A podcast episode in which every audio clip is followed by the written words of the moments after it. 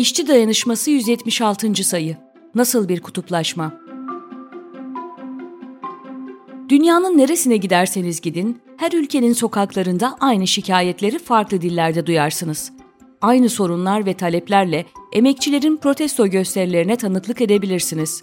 Enflasyon, düşük ücretler, hayat bağlılığı, zamlar, işsizlik, yoksulluk. Diğer yandan adları farklı, temsil ettikleri ülkeler farklı olsa da siyasi liderlerin de aynı şeyleri söylediklerini görürsünüz. İster İtalya'dan Meloni'ye, ister Türkiye'den Erdoğan'a, isterse Macaristan'dan Orban'a kulak verin fark etmez. Bu liderler emekçilerin sorunlarına çözüm bulacaklarını iddia ediyor, kendilerini kurtarıcı olarak pazarlıyorlar.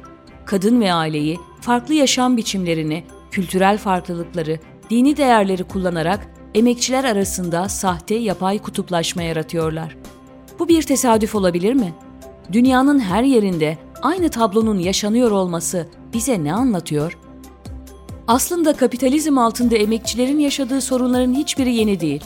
Keza faşist liderlerin kurtarıcı pozları keserek emekçi kitlelerin bir bölümünü peşine takması ve işçi sınıfını bölmesi de yeni değil. Mesela 1920'lerde İtalya'da ekonomik sorunların büyümesiyle daha da yoksullaşan emekçiler, bir kurtarıcı edasıyla siyaset sahnesine çıkan faşist Mussolini'den medet ummuşlardı. 10 yıl sonra bu sefer Almanya'da işsizlik ve yoksulluk girdabından çıkmak isteyen emekçiler, faşist Hitler'de bir kurtarıcı bulduklarını düşünmüşlerdi. Kurtarıcı olarak sahneye çıkanlar büyük bir yıkıma yol açtılar. O yıllarda ekonomik krizde, faşizmde, dünya savaşı da büyük ölçüde Avrupa coğrafyasında cereyan etmişti. Yeni olan şey, geçmişte dünyanın farklı bölgelerinde farklı derecelerde hissedilen ya da yerel kalabilen sorunların bugün tam anlamıyla küreselleşmesidir. İlk kez milyarlarca insanın tüm dünyada aynı anda aynı sorunlarla boğuşuyor olmasıdır. Tarihsel bir krizin içine yuvarlanan kapitalizmin sebep olduğu sorunların her birinin krize dönüşmesi ve çok daha yıkıcı bir hal almasıdır. Birkaç örnek verelim. Ukrayna'da patlak veren savaşın kızıştırdığı enerji krizinin tüm dünyayı etkilemesi, göç sorunundan hiçbir ülkenin kaçamaması, ekonomik krizlerin silsile halinde tüm dünyayı vurması ve emekçilere kesilen faturanın daha da ağırlaşması gibi. İşte 21. yüzyılın kapitalizm tablosu budur. Bu tabloya sermaye sınıfının kendi içindeki çıkar çatışmalarının daha da keskinleşmiş olmasını ve işçi sınıfının yeterince örgütlü olmadığı gerçeğini ekleyelim. Tam da bu nedenle işçi sınıfı kendi örgütleri üzerinden bağımsız bir güç olarak siyaset sahnesine girip toplumsal gelişmelere müdahale edemiyor. Örgütsüz olan işçi ve emekçiler burjuva siyasetinin çeşitli kanatları arasında bölünüyor. Sorunlarını vatan millet edebiyatı yapan faşist liderlerin çözeceğine inananların sayısı artıyor. Mussolini, Hitler gibi faşistlerin döneminden neredeyse 100 yıl sonra dünyanın her yerinde Trump'lar, Bolsonaro'lar, Orban'lar, Meloni'ler, Erdoğan'lar siyaset sahnesine çıkıyorlar. İngilizce, Portekizce, Macarca, İtalyanca ya da Türkçe konuşuyorlar. Ama hepsi de aynı argümanları kullanıyorlar.